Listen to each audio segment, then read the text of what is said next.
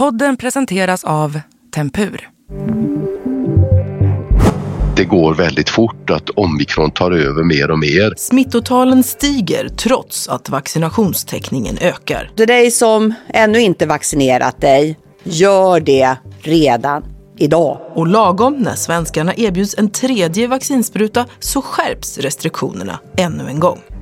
Alla vuxna rekommenderas att begränsa sina nära kontakter inomhus. Nu höjs kritiska röster om att frihetskränkande åtgärder används för att dölja en redan underdimensionerad vård. När man stänger på restaurangerna där jag undrar vad det finns för faktabakgrund bakom just det. På en kvart får du veta om omikrons framfart dessutom kan spela antivaxare och konspirationsteoretiker i händerna. The virus of freedom spread all over Sweden! Jag heter Erika Treijs och det här är Dagens Story från Svenska Dagbladet.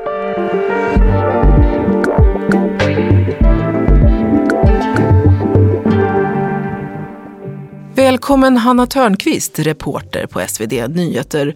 Har du vaccinerat dig? Ja, jag är dubbelvaccinerad. Eh, när är det förresten okej att ens ställa den frågan vid en anställningsintervju eller vad tänker du? Det är väl egentligen okej att ställa den här frågan oavsett situation. Det finns liksom ingen regel om att en arbetsgivare inte får fråga sina arbetstagare om de är vaccinerade eller inte. Men det finns inte heller någon skyldighet att svara på en sån här fråga. Så det kan ju vara att man sitter där och ja, inte får något svar. Mm, det fick jag, vilken tur jag hade. Eh, men du, det här för oss osökt in på debatten om vaccintvång. Kan arbetsgivare kräva att exempelvis vårdpersonal vaccinerar sig? Nej, de kan inte kräva eller tvinga att, att man går och liksom kavlar upp och, och tar en dos. Men samtidigt är arbetsgivaren skyldig att eh, göra arbetsplatsen så smittsäker som möjligt. Och det här kan ju låta lite luddigt. Eh, idag finns det faktiskt inga nationella rekommendationer för hur arbetsgivare ska behandla ovaccinerad personal. Och frågan har varit omdebatterad hela hösten. Flera kommuner och regioner kräver nu att nyanställd vårdpersonal ska vara vaccinerad. Och vissa har även valt att införa ja, olika restriktioner för anställda. Och det kan till exempel vara att de blir omplacerade eller inte får vara i nära kontakt med till exempel äldre.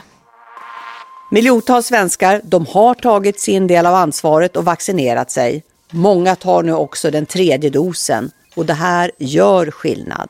Smittotalen stiger och med det kommer krav på att ännu fler ska vaccinera sig. France has suspended around 3,000 healthcare workers for refusing to get the COVID 19 jab. A new super COVID 19 health pass has come into force in Italy. Frankrike införde redan i höstas vaccinkrav för vårdpersonal och nyligen stod det klart att italienare över 50 år behöver vara vaccinerade för att inte riskera 100 euro i böter. Och senast i mitten av februari måste alla anställda kunna visa upp ett vaccinpass för att ens få komma till jobbet. I flera andra europeiska länder som Österrike och Tyskland har det diskuterats om att det är dags att införa krav på covid-19-vaccin brett i hela befolkningen. The only chance to escape from this infinite loop is to make vaccinations mandatory. Once it is decided, it will be enforced and there will be fines, so in the end most people will be vaccinated. Kan man säga då att regeringens åtgärder är ganska milda i jämförelse med andra länders då, skulle du säga? Jag tror att eh, vissa skulle hålla med dig där. Eh, men det beror ju såklart på vem som, som tycker till. Eh, men eh, som vi var inne på lite, många andra länder har ju gått betydligt hårdare åt. Till exempel med vaccinkravet eh, och, och, och kräva det i alla möjliga sammanhang. Till exempel att gå på restaurang eller gå in i en butik. Och i Sverige så har vi inte så. Här kan ju ovaccinerade göra väldigt mycket fortfarande. Det som är begränsat är ju olika evenemang, till exempel teater och eh, ja, olika konserter och liknande. Så från ett eh, europeiskt perspektiv så har vi nog mildare restriktioner för ovaccinerade. Eh, och jag läste faktiskt för ett eh, tag sedan också om tyska vaccinmotståndare som övervägde att fly till Sverige. För att de såg Sverige som en, en plats där ovaccinerade inte blir lika diskriminerade. Men uppfattningarna går isär när det kommer till vad restriktionerna faktiskt innebär. Om de är kränkande för individens frihet eller alldeles för milda för att göra skillnad för sjukvården. Eh, hur står det till egentligen? Ja, det är ju en väldigt svår fråga. Det är ett, ett svårt läge nu som är ganska nytt i pandemin. Vi har ju en jättestor smittspridning med de högsta noteringarna hittills under pandemin. Och det här är betydligt mer än vad Folkhälsomyndigheten förutspådde i sitt värsta scenario. Så det här gör ju att eh, vissa tycker att eh, restriktionerna behövs och ska vara hårda nu. Men samtidigt så har ju belastningen på sjukvården varit långt ifrån lika hög som under tidigare smittotoppar. Och det gör ju att vissa andra inte ser samma behov av skärpta restriktioner. Hur, hur, kan då åsikterna gå isär så pass kraftigt som de gör när det kommer till vaccinkrav? För det borde ju, eller några tycker i alla fall att det vore rimligt att kräva det nu. Men har frågan i sig politiserats? Ja, det skulle jag säga att den har gjort. Men frågan kring vaccin har ju länge varit eh, omdebatterad. Ända sedan vaccinet eh, ja, uppfanns i slutet av 1700-talet så har vissa personer valt att eh, helt enkelt vara motståndare mot, mot det. Och när en fråga som coronaviruset totalt dominerar media och våra samtal, allting eh, och ett stort fokus ligger på att vaccinen är lösningen så kommer det här ju elda på de här vaccinmotståndarna som inte håller med om det här i grunden.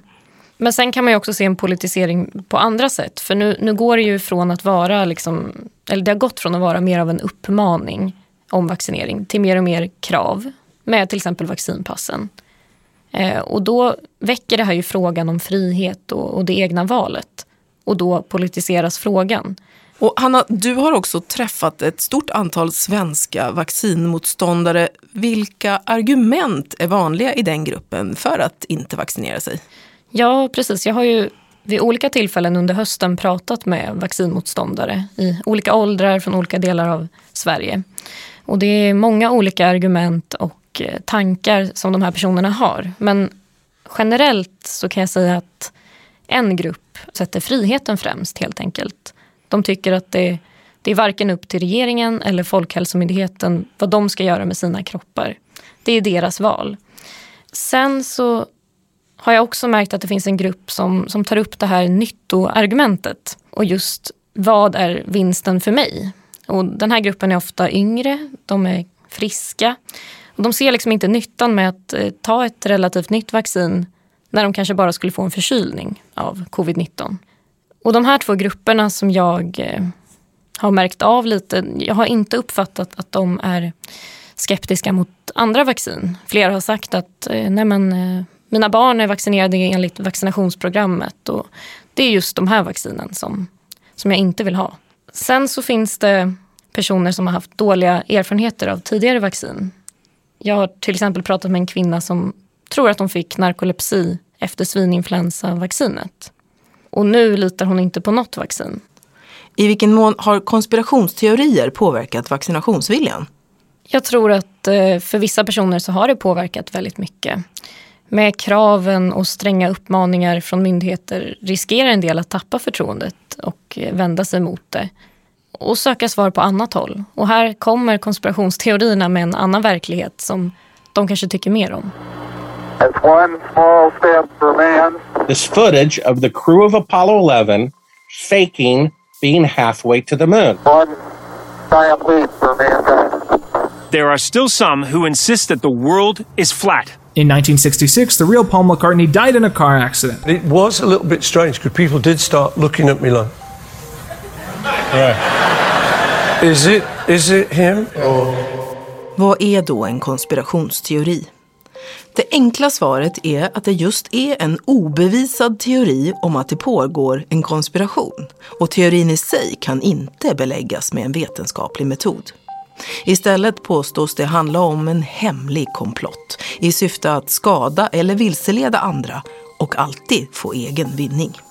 Det finns flera spridda konspirationsteorier kring covid-19-vacciner som handlar om illasinnade läkemedelsbolag och att vaccinet bland annat innehåller ett chip som ska kunna styra medborgarnas tankar.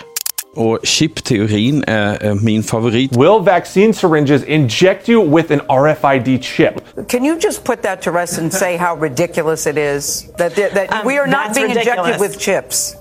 Konspirationsteorier är i sig inget nytt fenomen.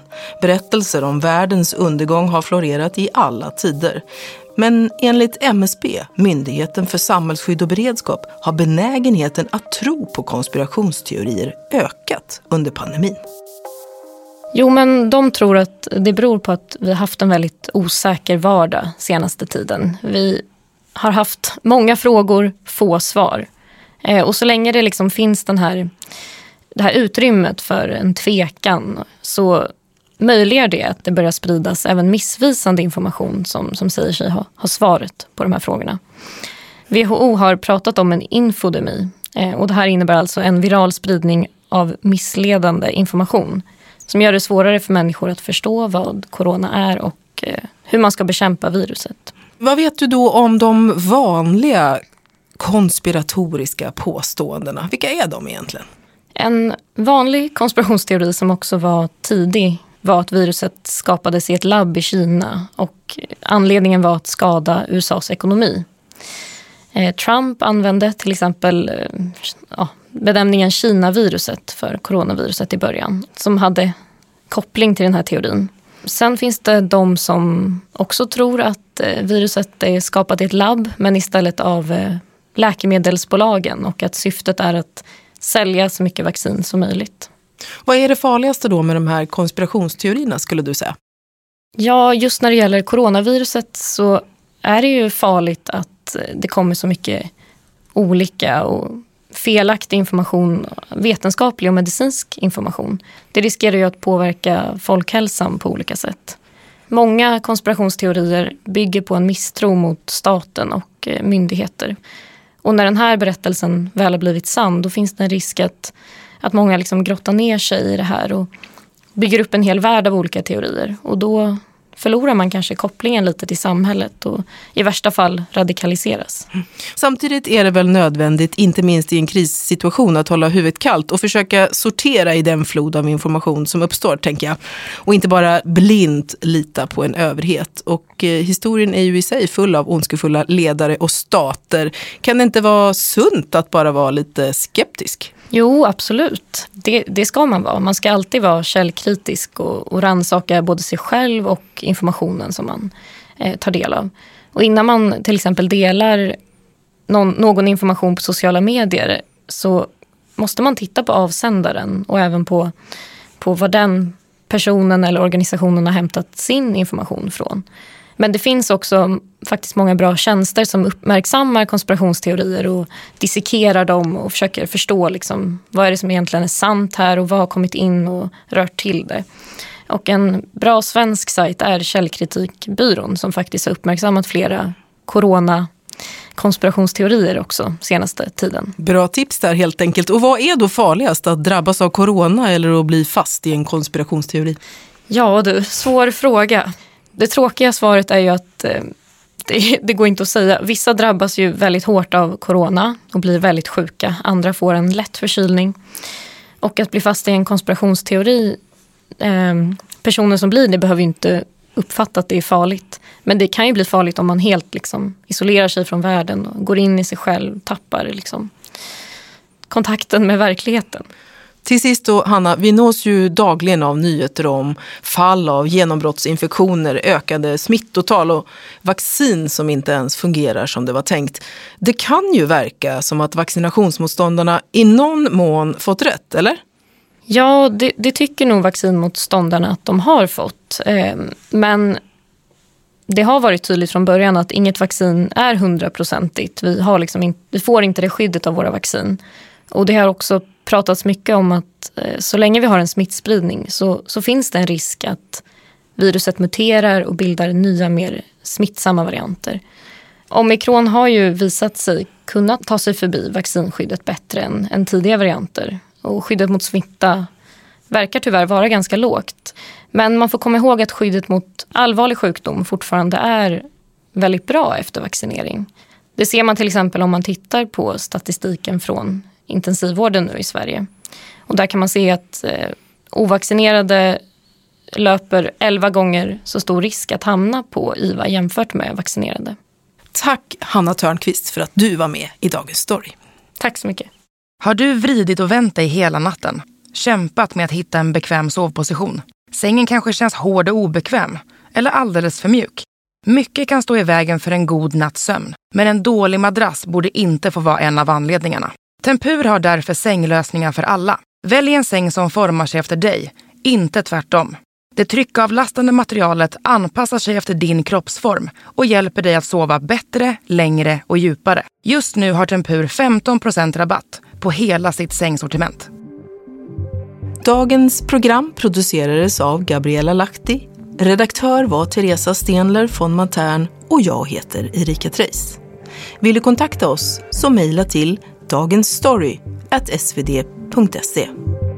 Klippen idag är hämtade från Deutsche Welle, Aftonbladet, CBS News, Reuters, Euronews, NASA, National Geographic, Regeringskansliet, Sveriges Radio, Valuetainment, Vinyl Rewind, SVT och Quinton Reviews.